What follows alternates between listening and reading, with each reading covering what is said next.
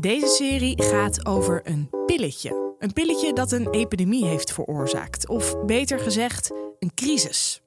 Overdose deaths involving prescription opioids have quadrupled since 1999, as have the sales of such drugs. A closely watched opioids trial began this week in Ohio. The trial focuses on questions of accountability and responsibility for the opioids crisis, which has been connected directly with the deaths of half a million Americans. In 2015 werd er in Amerika officieel een opioïde-epidemie uitgeroepen. De opioïden, oftewel zware pijnstillers, waren gevaarlijk in de markt gezet en werden veel te makkelijk voorgeschreven. Veel Amerikanen kampten daardoor met verslaving en bijna een half miljoen mensen overleed aan een overdosis. Je denkt misschien, dit gebeurt alleen in Amerika. In Nederland kan dit nooit zo uit de hand lopen. Maar ook in Nederland hebben we te maken met steeds meer problemen rondom opioïden. Maatregelen om het gebruik van zware pijnstillers te laten dalen. Want de kans op verslaving is groot. Het voorschrijven van opioïden, dat was, uh, ik geloof, in, in 2010 was dat uh, om en nabij 600.000 receptregels. En dat is gestegen tot 2017 tot meer dan een miljoen. Fentanyl, methadon, oxycodon, lang en kortwerkend, uh, buprenorfine, Oramorf heb ik gehad. Nou, er zijn er vast nog wel een hoop die ik vergeet. Maar ik heb, ik heb bijna alles gehad. Ja.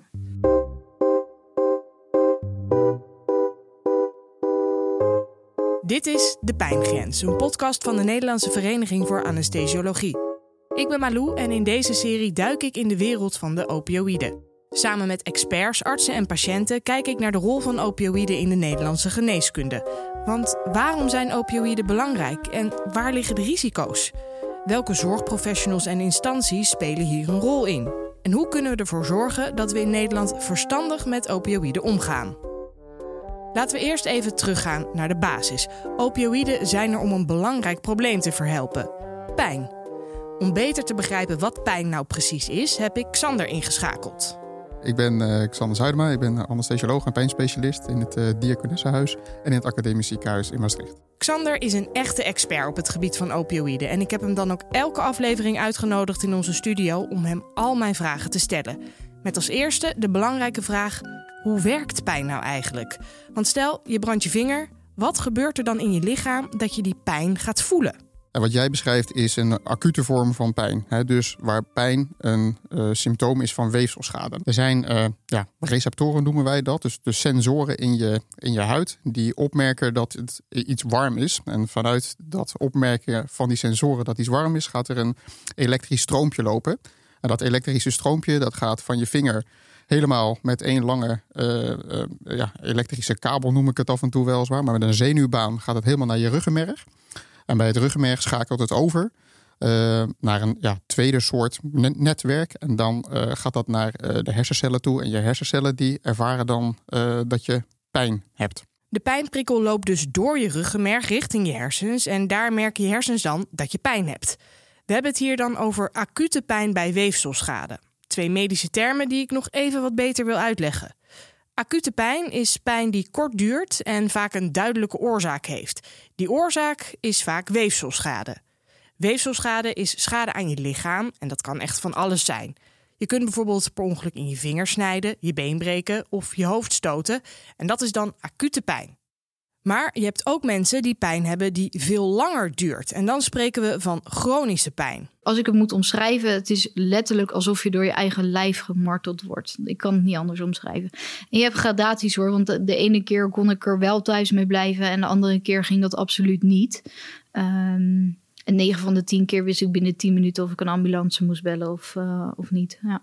Je hoort hier Stephanie. Ze heeft jarenlang opioïden moeten gebruiken door haar chronische ziekte.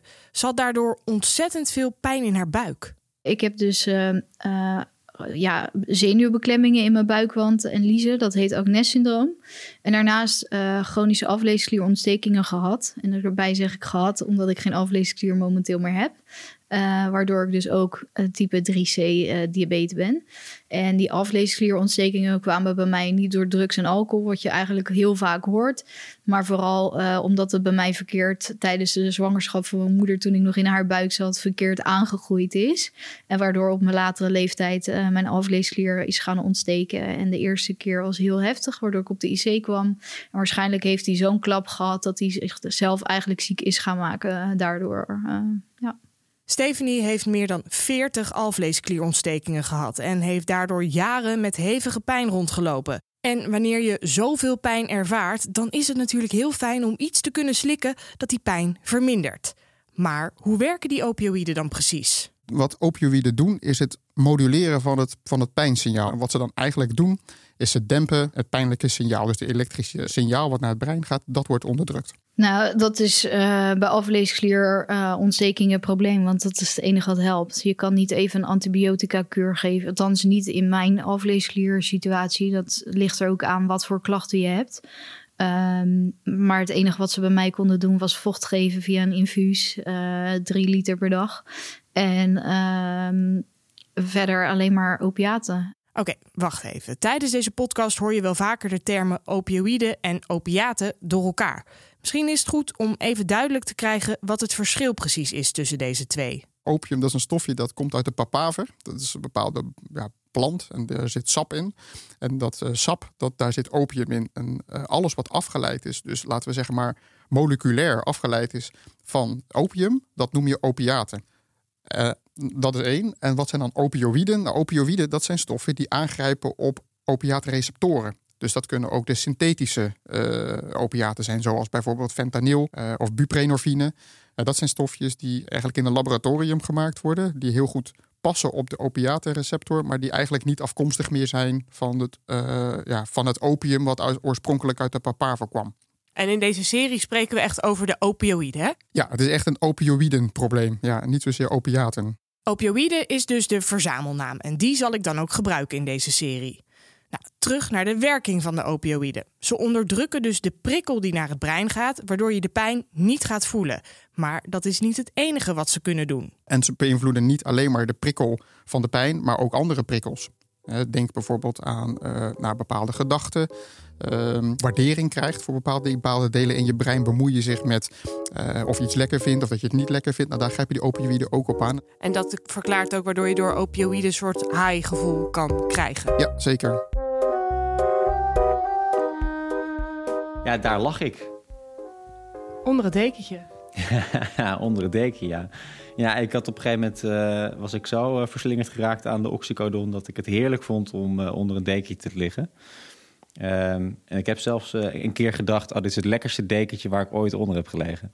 Nou, dan wil ik toch ook voordat we het erover gaan hebben, dat dekentje wel eens even aanraken of dat zo'n goed dekentje is. Ja, ik heb hem al even voor je, ik heb voor je klaargelegd. Dit was het dekentje. Ja, ja ik, ik zie toch wel de invloed van, van de oxycodon, denk ik. Het is een heel normaal dekentje. Ja, ik denk, ik denk nu ook een beetje, uh, what's the fuzz? Maar toen dacht ik echt van, dit dekentje, dit is het allerlekkerste dekentje waar ik onder heb gelegen. Je hoort hier Koos. Koos herkent dat lekkere gevoel wel. Ik zoek Koos thuis op in Amsterdam om met hem te praten over zijn ervaringen met opioïden. Ik heb uh, anderhalf jaar geleden mijn uh, kruisband en meniscus gescheurd. bij een potje padel. Ja, dus die hippe Amsterdamse sport, uh, die racketsport die iedereen uh, nu speelt. Um, en toen ben ik eraan geopereerd. En toen kreeg ik van het ziekenhuis drie pijnstillers mee. paracetamol, naproxen en oxycodon. En kreeg je daar ook nog informatie bij? Of kreeg je gewoon een zak medicijnen met beterschap? Nou, ik, ik, weet nog wel dat ze zeiden: uh, ja, je moet sowieso paracetamol gaan slikken. Uh, want dan uh, bouw je een soort van spiegel op, waardoor je de pijn beter aan kan. Naproxen, dat slik je om ontstekingen tegen te gaan. En als het echt een beetje pijn gaat doen, dan kan je oxycodon gaan slikken. maar verder werd eigenlijk weinig informatie bijgegeven. Koos kreeg dus paracetamol, naproxen en oxycodon mee. En dit laat mooi zien wat de drie stappen van pijnmedicatie zijn. Dus eerst paracetamol, dat slikken we natuurlijk allemaal wel eens voor bijvoorbeeld hoofdpijn.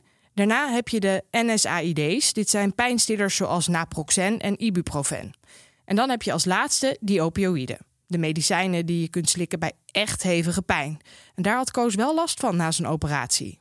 Ik had in het begin wel gewoon echt heel erg veel pijn. Dat is gewoon, ja, het is een, het is een dubbele knieoperatie, dus best wel pittig. En ik had vooral, uh, s'nachts had ik er last van. Uh, dus dan, dan, dan werd ik wakker en dan, ja, dan had ik, of ik, tenminste als ik überhaupt in slaap kon vallen, dan werd ik op een gegeven moment wakker en dan had ik echt, echt zo, zo'n bonkende knie. En dat ging gewoon niet over. Dus uh, ja, dan ga je wel wat pijnstiller slikken. Dus toen pakte je ook die oxycodon erbij. Hoe voelde dat? Ja, dat voelde eigenlijk wel, wel goed. Um, ik, daardoor kon ik ook alweer in slaap vallen. Dat was eigenlijk gewoon het belangrijkste. Dus overdag met, met pijn doorkomen is niet per se. Nou, je, je, je, snapt dat het nodig is om, om te herstellen. Dus nou, daar kan je wel mee leven en je kan wat afleidingen vinden. Maar als je s'nachts te slapen en dat lukt niet. Ja, dan is zo'n pijnstiller wel heel erg fijn om, om te hebben. Omdat je dan opeens wel kan slapen. En dat is natuurlijk wat je wil. Pijn is een vervelende uh, aandoening. Het probleem is dat um, met mensen met pijn, dat, uh, dat wil je graag behandelen. Want het is een vervelende uh, ervaring. Dus daar hebben we die opioïden ook voor nodig. Om de pijn te behandelen. Oxycodon, fentanyl, morfine, tramadol. Allemaal bekende opioïden die goed werken. Maar er zitten natuurlijk ook risico's aan de korte termijn bijwerkingen moet je met name denken aan uh, verminderd denkvermogen. Dus uh, ja, je kan gewoon niet zo goed op de woorden komen of je kan de krant veel minder goed lezen. Uh, bijwerkingen op het maag-darmstelsel, want dat beweegt gewoon veel langzamer. Dus obstipatie is een hele belangrijke. wat gaat ook gepaard met bijvoorbeeld dat de, de, urine in de blaas dat kan stapelen, omdat je niet het gevoel hebt dat je moet plassen. Dus dat zijn dingen die je vaak hoort. Het is met name de lichamelijke bijwerkingen van die opioïden. En dan heb je op de lange termijn is dus afhankelijkheid. Dus dat je het opi opioïd nodig hebt om je goed te voelen of om iets te kunnen bereiken. En dat je er steeds meer nodig van, uh, van hebt. Uh, en dat is wel weer een risico op het ontwikkelen van een verslaving. Uh, en wat ook een belangrijke bijwerking is, is ook op de langere termijn zijn hormonale bij bijwerkingen. Met name voor vrouwen zien we dat vaker. dus dat er verstoringen komen in de hormonale balans. En wat ook uh, uh, belangrijk hier is, denk om te noemen, is dat als je langdurig opioïden gebruikt, dat het juist pijn kan uitlokken. En dat noemen we met een heel duur woord opioïd geïnduceerde hyperalgesie. Zo. Is, ja. Ik schrijf even mee. Maar wat is dat? Nou ja, dat weten we nog niet precies heel goed hoe dat, dat werkt. Maar die opioïden die hebben ook invloed op je immuunsysteem van het ruggenmerg. En het lijkt erop dat als je die opioïden in overmaat gebruikt, of in vele mate gebruikt, dat ook het uh, immuunsysteem geactiveerd raakt. Dan zie je het maar als een, als een soort allergische reactie uh, op, op die opioïden die dan ontstaan. En daardoor ontstaat juist meer pijn. Al deze bijwerkingen zijn nou niet bepaald een pretje. Een dokter moet dus altijd goed kijken wanneer het echt nodig is om iemand opioïden voor te schrijven. In de medische wereld spreken we dan van gepast gebruik. Nou, gepast opioïdegebruik, daarvan is sprake als, als opioïden gebruikt worden om weefselschade, eh, pijn bij weefselschade te, te behandelen. Uh, denk daar bijvoorbeeld aan pijn die ontstaat na een operatie en dus eigenlijk altijd voor kortdurend gebruik.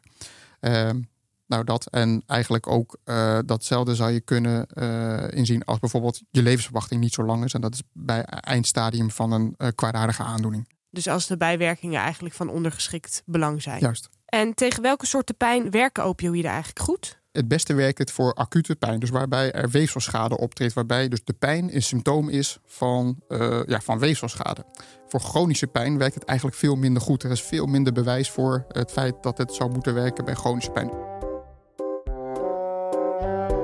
op het moment dat je opiaten in een acute situatie gebruikt, omdat je op dat moment uh, geopereerd moet worden of een uh, ongeluk gehad hebt, dan werken opiaten. Ik denk dat op de lange termijn, en dat is ook bewezen, uh, op de lange termijn werken opiaten niet meer in, zoals bij een acute situatie. Waardoor je krijgt dat je steeds meer en meer nodig hebt, omdat de basis steeds hoger wordt. En uh, in dat opzicht, voor chronische patiënten, werkt het vaak niet. Opioïden werken dus het beste als je net geopereerd bent, zoals bij de knieoperatie van Koos bijvoorbeeld. Maar als Stephanie zegt dat de pillen niet echt werken als je chronische pijn hebt, waarom krijgen mensen met chronische pijn ze dan toch? Kijk, het wordt met name voorgeschreven in die situaties uh, waarbij er geen andere keuze is. En dan moet je met name bijvoorbeeld denken aan de fragiele oudere patiëntenpopulatie, waarbij ja, bijvoorbeeld uh, rugpijn of nekpijn uh, op de voorgrond staat. Maar waarbij eigenlijk er geen ander alternatief is. Bijvoorbeeld andere geneesmiddelen die mogen niet gegeven worden gezien hun bijwerkingsprofiel. En dan blijven vaak die opioïden over. En dat is een reden om bijvoorbeeld toch voor chronische pijn uh, wel te overwegen om die opioïden te geven. Maar wat belangrijk denk ik in deze is om te zeggen dat we dus dat we het hier hebben over chronische pijn en het voorschrijven van medicatie voor chronische pijn, dat dat sowieso uh, heel ingewikkeld is en dat dat altijd een afweging is tussen de werking en de bijwerking, dat dat per individu weer verschillend is. Een dokter moet dus steeds weer een afweging maken. Stephanie had zoveel pijn dat opioïden onvermijdelijk waren. Dat kwam in eerste instantie door mijn Agnes-syndroom. Uh, omdat de pijn echt uh, niet te doen was. Ik lag een half jaar lang in een ziekenhuisbed in de woonkamer. En uh, ja, op een gegeven moment kon ik daar niet meer omheen. Um, toen zijn we eerst gestart met Oromorphs, dat zijn drankjes. En later uh, ga je dan over op de oxycodon uh, en, andere opiaten. En omdat mijn alvleesklierontstekingen er overheen kwamen, werd dat van kwaad eigenlijk tot erger. En ga je steeds hoger en hoger en probeer je tussentijds af te bouwen waar dat kan. Um, maar ben ik uiteindelijk op gigantische doseringen en uh, nou ja, heb ik eigenlijk bijna alle opiaten die er zijn gehad. En wat, wat is dan op het hoogtepunt, wat, wat gebruikte jij dan aan opioïden?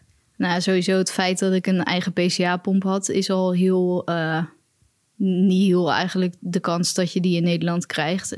Wat is een PCA-pomp? Um, nou, als je bijvoorbeeld uh, een, een, bevalling hebt, dan kan je kiezen voor een ruggenprik. Of je kan voor een pomp kiezen waar standaard uh, om de zoveel tijd medicatie overgegeven wordt. Maar waar ook een knopje op zit dat je elke vijf minuten of twintig minuten, ligt eraan hoe die ingesteld staat, een extra dosis uh, morfine kan krijgen of opiaat.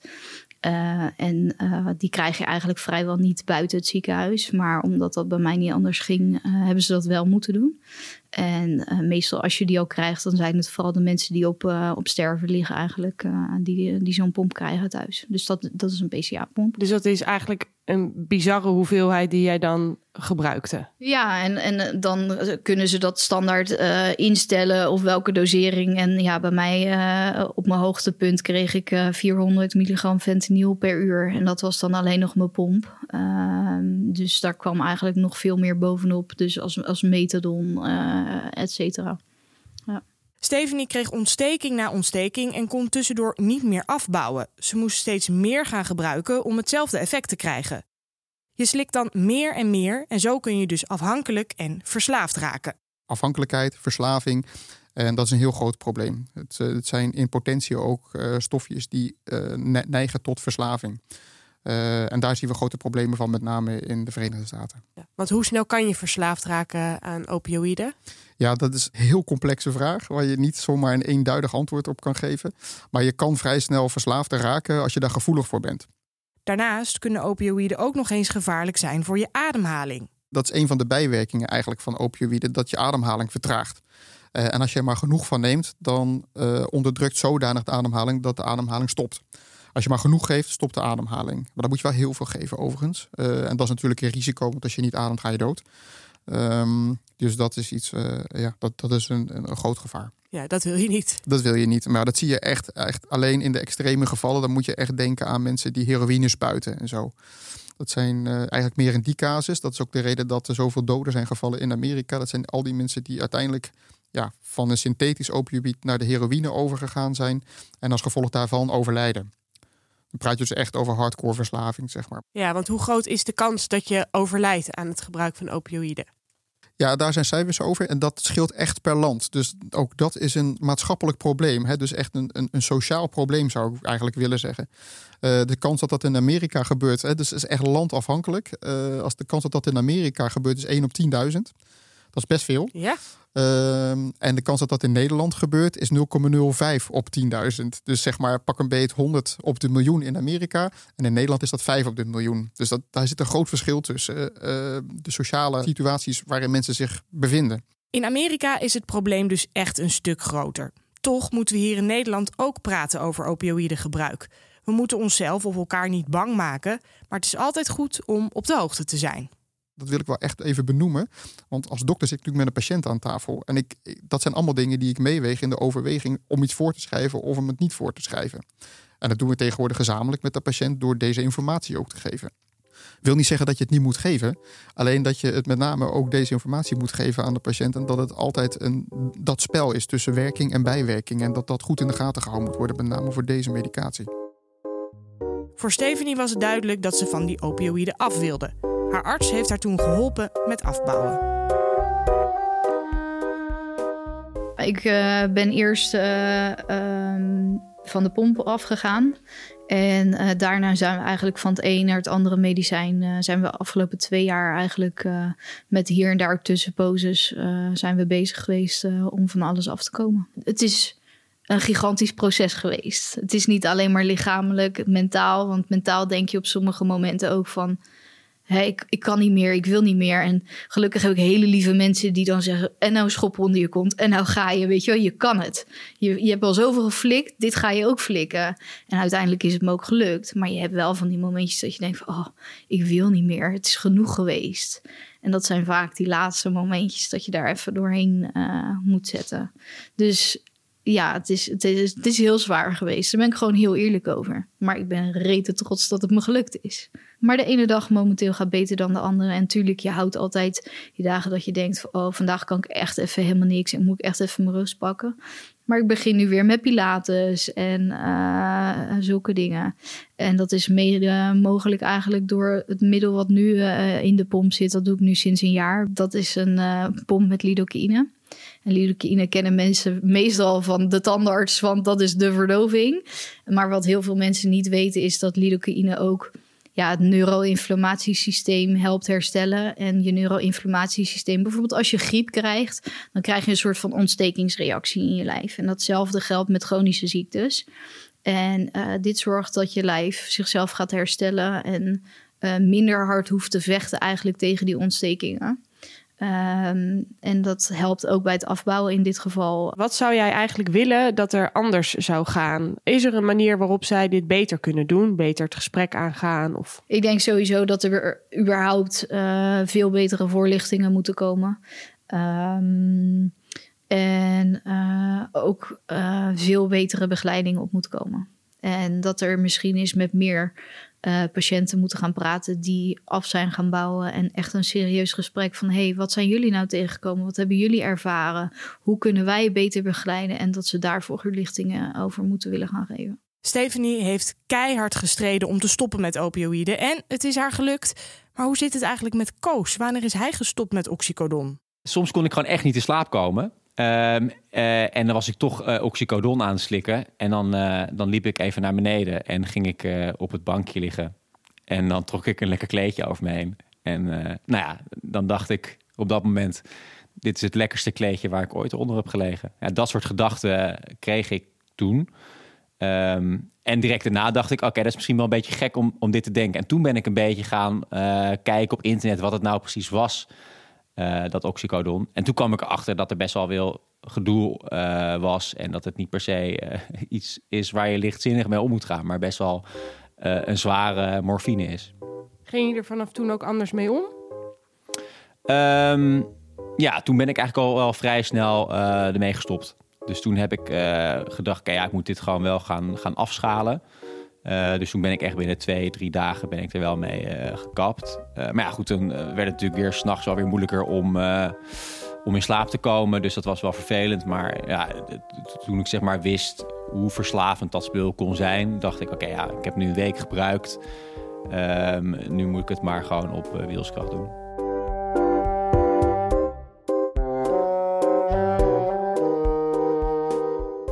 Volgens Xander, Koos en Stephanie is het dus heel belangrijk om je te informeren over opioïden. En dat is precies het doel van deze podcastserie. Ik neem jullie in zes afleveringen mee in de wereld van de opioïden.